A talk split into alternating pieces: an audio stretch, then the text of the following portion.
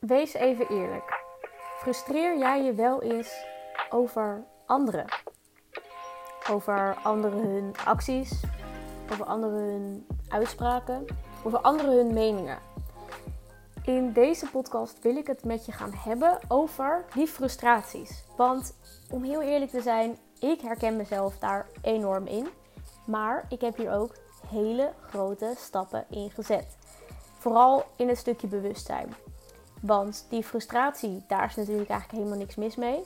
Maar als je je nou soms wel eens afvraagt, waarom heb ik nou die frustratie? Dan wil ik je in deze podcast wat inzichten geven over waarom die er misschien zijn. Super leuk dat je weer luistert naar deze podcast. En ik ga je alvast zeggen, dit wordt geen makkelijke podcast. Want, podcast, het is enkelvoud, ja Kim. Want je gaat misschien jezelf nogal tegenkomen. En ik ga je misschien ook een beetje neerzetten alsof jij zelf de schuldige bent. En dat klinkt heel stom, maar het is wel een beetje zo. Laten we er even induiken, want we hebben het dus over frustraties over anderen. En om heel eerlijk te zijn, ik ga gelijk er eerlijk over zijn. Um, ik heb heel vaak, vooral een aantal jaar terug, uh, dat is nu inmiddels steeds minder, maar heb ik heel veel frustraties gehad over anderen. Um, ik frustreerde me gewoon heel snel. Ik irriteerde me heel snel. Ik um, ja, lette heel snel op de dingen die ik niet chill vond aan iemand. In plaats van aan de dingen die ik wel tof vond aan iemand. En dat is een soort van lack of mindset, vind ik, in mijn ogen. Maar ik ben hier nu een tijdje bewust van dat ik dit doe. En ik merk nu ook waar dat door komt. Want de enige vraag die ik mezelf mocht stellen was: wat zegt dit over mij dat ik dit nou irritant vind? Of dat ik dit ja, niet chill vind, of dat me dit frustreert. En die vraag is heel confronterend, want je gaat ten eerste een soort van in de slachtofferrol, in de weerstand, wat je denkt: hoezo ligt dit aan mij? Het ligt toch bij de ander? Maar dat is juist het mooie. Het zegt heel veel over jouzelf als jij je aan iets irriteert. Stel, ik vond dus uh, een, een, een, aantal keer wel hoor, dus niet specifiek iemand. Um, vond ik bepaalde mensen op mijn school, mijn middelbare school, heel irritant. Nou, en dat konden verschillende dingen zijn. Dat konden bijvoorbeeld iemand zijn die altijd te laat was, iemand die een hele grote mond had. Um, nou, dat soort dingen. Laten we die voorbeelden even nemen. Iemand die een hele grote mond had, daar kon ik heel slecht tegen. Want ja, ik weet niet, dat triggerde mij.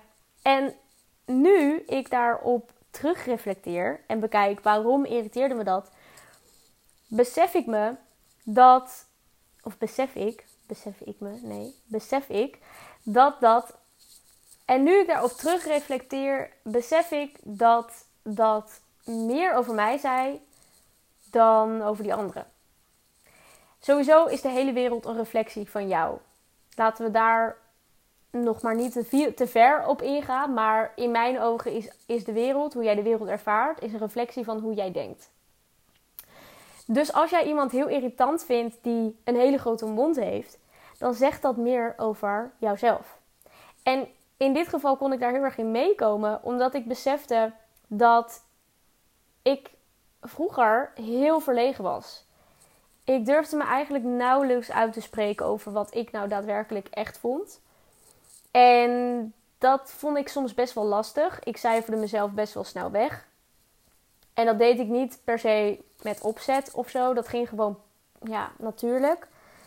Maar dat vond ik niet per se altijd even makkelijk. Want ik voelde ook een soort van, ja, heel diep verlangen van... Ik zou eigenlijk soms ook wel eens die persoon willen zijn die die grote mond heeft. En die zich uitspreekt naar, um, ik zeg maar wat, pestkoppen of uh, een beetje rebels tegen docenten uh, is ik vond dat stiekem eigenlijk wel heel erg um, ja, mooi of zo. Ik zou, ik zou dat heel graag zelf willen hebben. En dat is dan ook denk ik de reden waarom ik daarna, een aantal jaar later, steeds meer mezelf liet, liet zien en liet horen, van mezelf liet horen. En dat ik een beetje daarin misschien doorsloeg op bepaalde vlakken. Ik kon soms best wel een beetje um, de grenzen opzoeken. En daar ben ik nooit in doorgeslagen, gelukkig. Maar dat verklaart wel een hele hoop waarom ik me daarvoor altijd irriteerde aan iemand die een grote mond had. En bijvoorbeeld iemand die altijd te laat komt, daar kan ik me soms, nou nee, inmiddels nu niet meer, want ik ben daar echt wel heel erg uh, zelf ook iemand van geworden. Iemand die altijd te laat komt, daar, kwam ik, daar kon ik heel slecht tegen. Ik irriteerde me heel erg, want ik dacht, ja, hoezo kom je nou te laat? Je weet toch hoe laat je weg moet van huis, of je weet toch hoe laat we afspreken. Is tijd dan niet belangrijk voor je? Ik ging dat ook altijd heel erg koppelen aan hoe belangrijk ik voor iemand ben dan.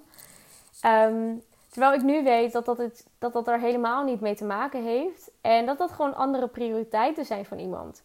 Ik hechtte heel veel waarde aan het op tijd komen. En zo ben ik misschien ook opgevoed.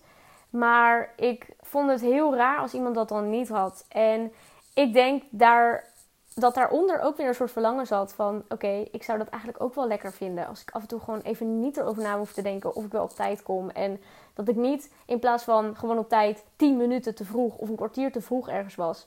Want eigenlijk vond ik dat ook best wel onhandig. Want ja, dan zit je gewoon een kwartier lang, uh, eh, 10 minuten, zit je gewoon te wachten totdat je afspraak hebt.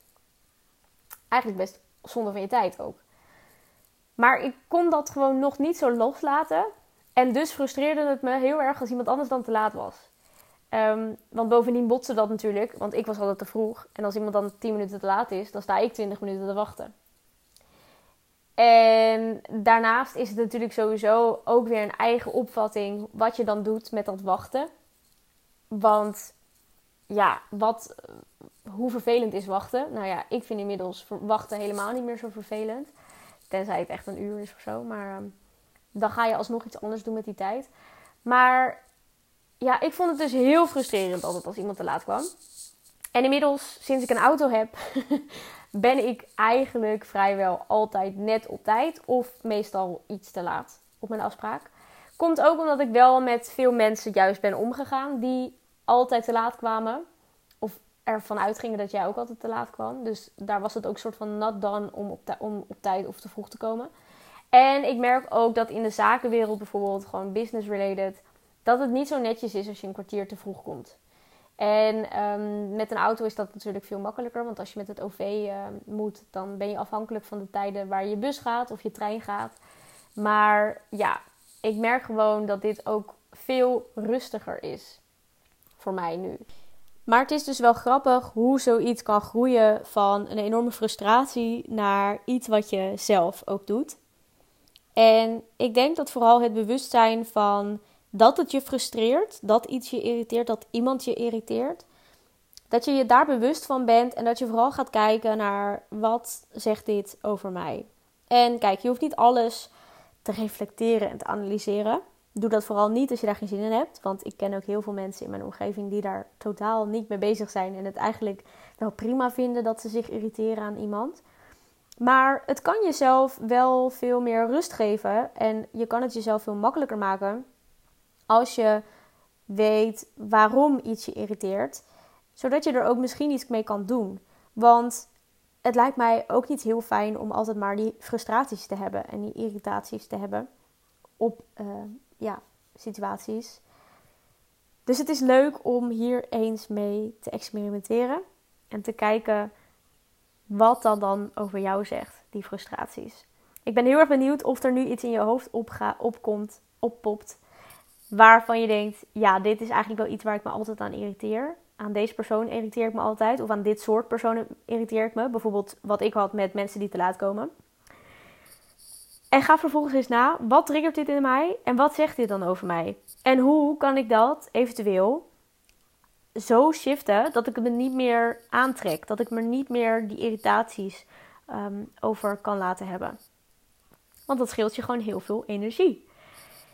Alright, ik hoop dat je dit interessant vond. Ik ben heel erg benieuwd wat je hier aan hebt gehad en wat jouw inzichten waren. Laat het me vooral weten via een Instagram DM. Je kunt mij vinden op Instagram op kim.van.haren. En dan hoop ik je een volgende keer weer terug te zien bij deze podcast. Enjoy your day. Ciao.